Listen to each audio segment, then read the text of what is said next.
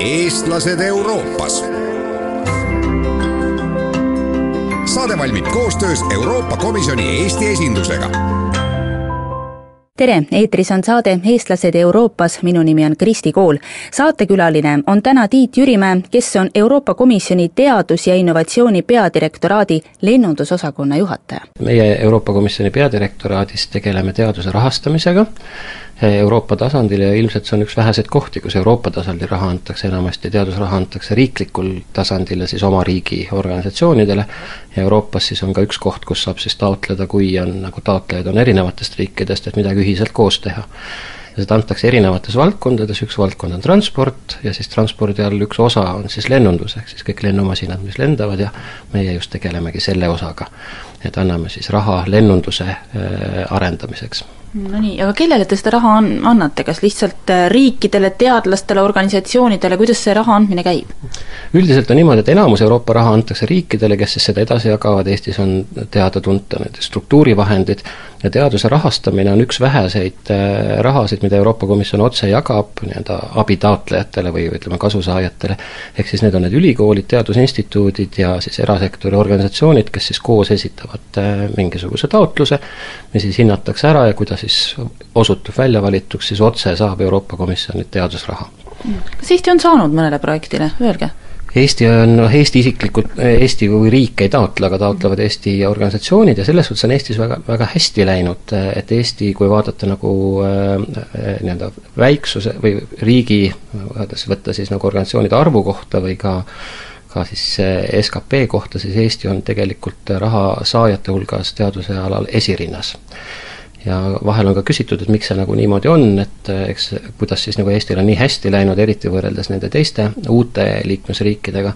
siis üks äh, nagu arvamus selle taga on see, et kui Eesti iseseisvaks sai ja hakati teadusraha jagama, siis ka Eesti-siseselt esitati taotlusi eh, inglise keeles ja, ja oli rahvusvaheline hindamine,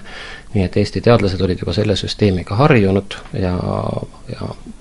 osavaks muutunud ja see siis ka Euroopa tasandil paistis silma, et kui nüüd Euroopa tasandil hakati äh, rahataotlusi esitama, siis oldi ka kohe juba saajate hulgas.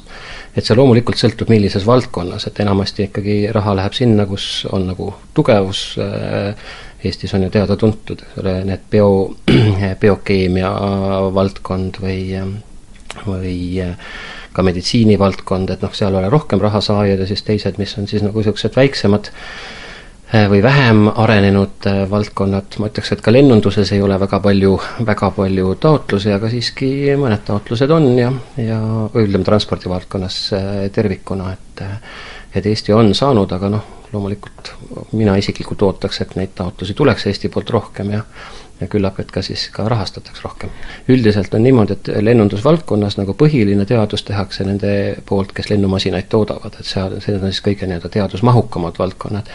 aga noh, lisaks sellele on siis ka lennujaamad ja, ja siis ka lennufirmad on osades teadusprojektides sees, sellepärast et selle teadusprojekti tulemused omavad siis tulevikus mõju äh, nendele ja nad on siis juba kohe selle teaduse tegemise juures oma nõu ja jõuga. tõsi on, et see kasu nendest projektidest tõuseb alles kauges tulevikus ja need kes siis investeerivad sellesse teadusesse, et sellest tulevikus kasu saada, et noh, see nõuab niisugust etteinvesteeringut ja ka rahakoti olemasolu. mis on teie ülesanne just konkreetselt selle, selle töö juures siis, kas te vaatate neid projekte läbi või aitate nõustada või, või mis? põhiliselt eks see teaduse rahastamine käib igal pool ikkagi ühtemoodi, et, et esitatakse taotlused mingisuguseks ajaks, noh, me anname ette teemad, see on meie esimene põhiline ülesanne, on see, et meie iga aasta ütleme ette teemad, mis teemade, teemasid me plaanime rahastada ja me ootame siis taotlusi, mis vastavad nendele teemadele kui nüüd need, eh, ja see juhtub iga aasta juulikuus ja siis me anname üks neli kuud aega, et detsembri alguseks need taotlused siis eh, saata. kui need taotlused nüüd saadavad, siis eh, neid on reeglina nii palju, et ega me ise ei jaksakski kõiki neid ja noh, puudub ka kõigil igas valdkonnas kompetents, et siis me kasutame väliseid eksperte, kes tulevad kohale, vaatavad kõik need taotlused läbi ja hindavad siis, õieti nad hindavad kolme kriteeriumit, et ega peamiselt nad vaatavad, et kas sellel on nagu teaduslikku uuendust, on, mida välja on pakutud, vaatavad ka teisest küljest, milline võiks olla selle mõju, ja kolmandaks, et kuidas on siis selle rakendamine plaanitud, ehk siis projekti, projekt, projekt ise, kuidas on plaanitud ellu viia. annavad punkte, need liidetakse kokku, kes kõige rohkem punkte saab, see on välja valitud ja nii allapoole, kuni raha on otsas ja ülejäänud öeldakse hea taotlus, aga te-, teised olid paremad. hiljuti me selle lõpetasime nüüd selle viimase raamprogrammi äh, taotluste vooru suhtes äh, ja nüüd hakkame siis nendega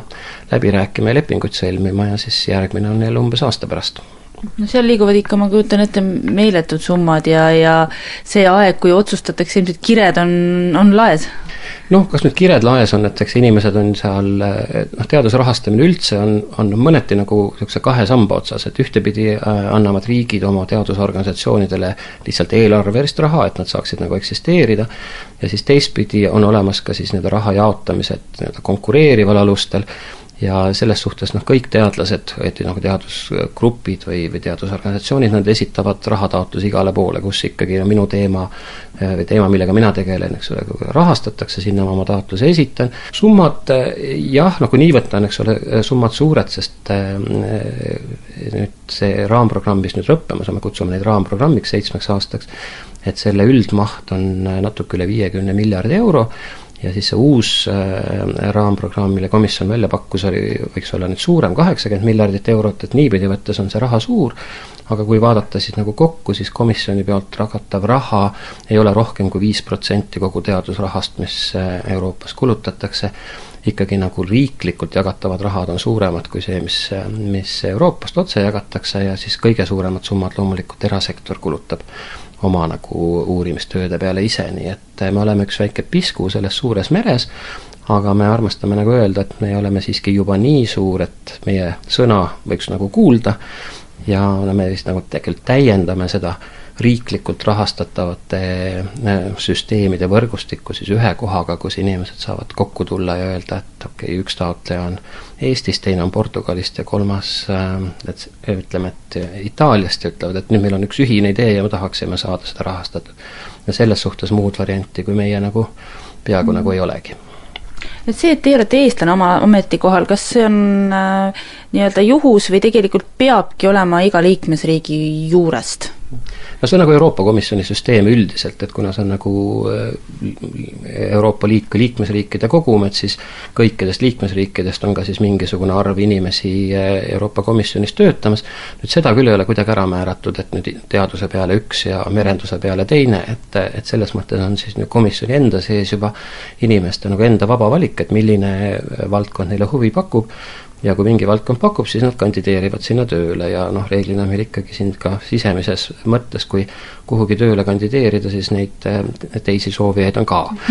et äh, eks seal natuke nagu siis äh, vaadatakse, et, et ahaa, et noh, tegelikult oleks ju tore võib-olla üks eestlane võtta, et meil nagu siin sellest uuest liikmesriikidest ei olegi nagu kedagi, et, et toob sellist meeskonda nagu värsket mõtlemist juurde ja noh, nii see käib, et siin nagu midagi ette määratud ei ole, et meil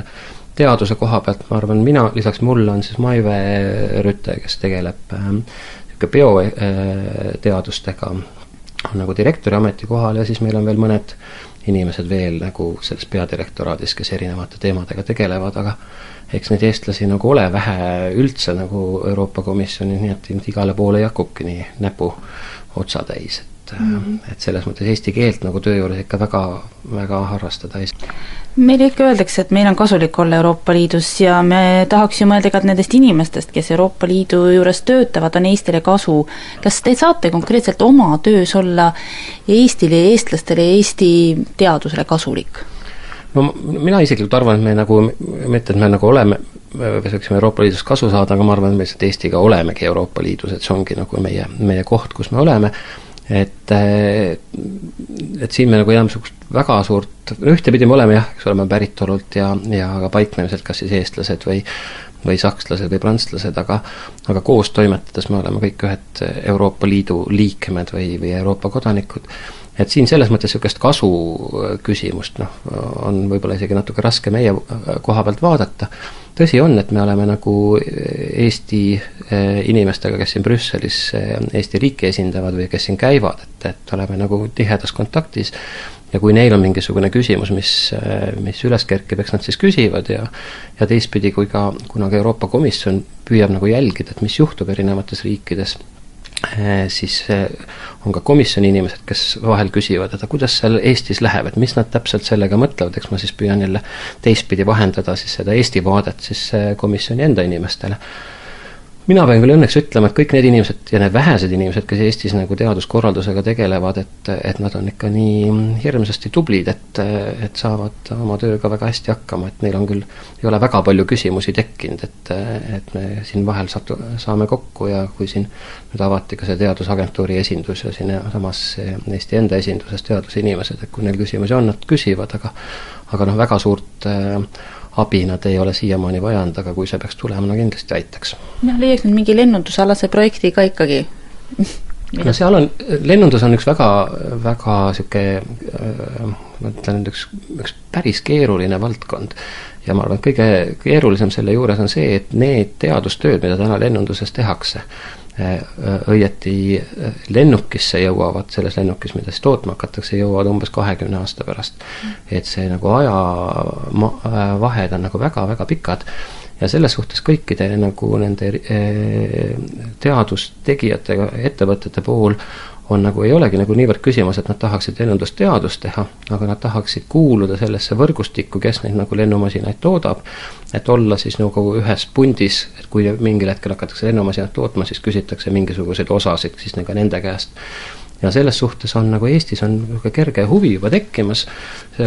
ainult mitte nagu lennundusvaldkond, samad firmad tegelevad ka kosmosevaldkonnas, seetõttu inglise keeles kutsutakse nagu seda aerospace, et seal on samad ettevõtted, nii-öelda mitut asja ja mindki on kutsutud nüüd veebruaris äh, ühele seminarile, mis Eestis toimub, mis püüab siis kokku tuua neid, kes on äh, seal EAS-i ruumes neid inimesi, kes siis on huvitatud selles valdkonnas tegutsemast ja eks see vaikselt nagu pead tõstab äh,. investeeringud sellesse valdkonda on väga suured, nii et eks Eesti peab ka mõtlema ja Eesti ettevõtted, et noh, kuivõrd oleme valmis nagu ette neid investeeringuid tegema, et tulevikku kasu saada, aga tundub, et jah,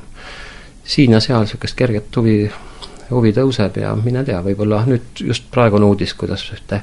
Eesti oma satelliiti ollakse äh, laskmas, et noh, võib-olla siis varem või hiljem on ka Eesti lennumasin, mis hakkab, äh, hakkab siis õhurõõmis sõitma. eestlased Euroopas. saade valmib koostöös Euroopa Komisjoni Eesti esindusega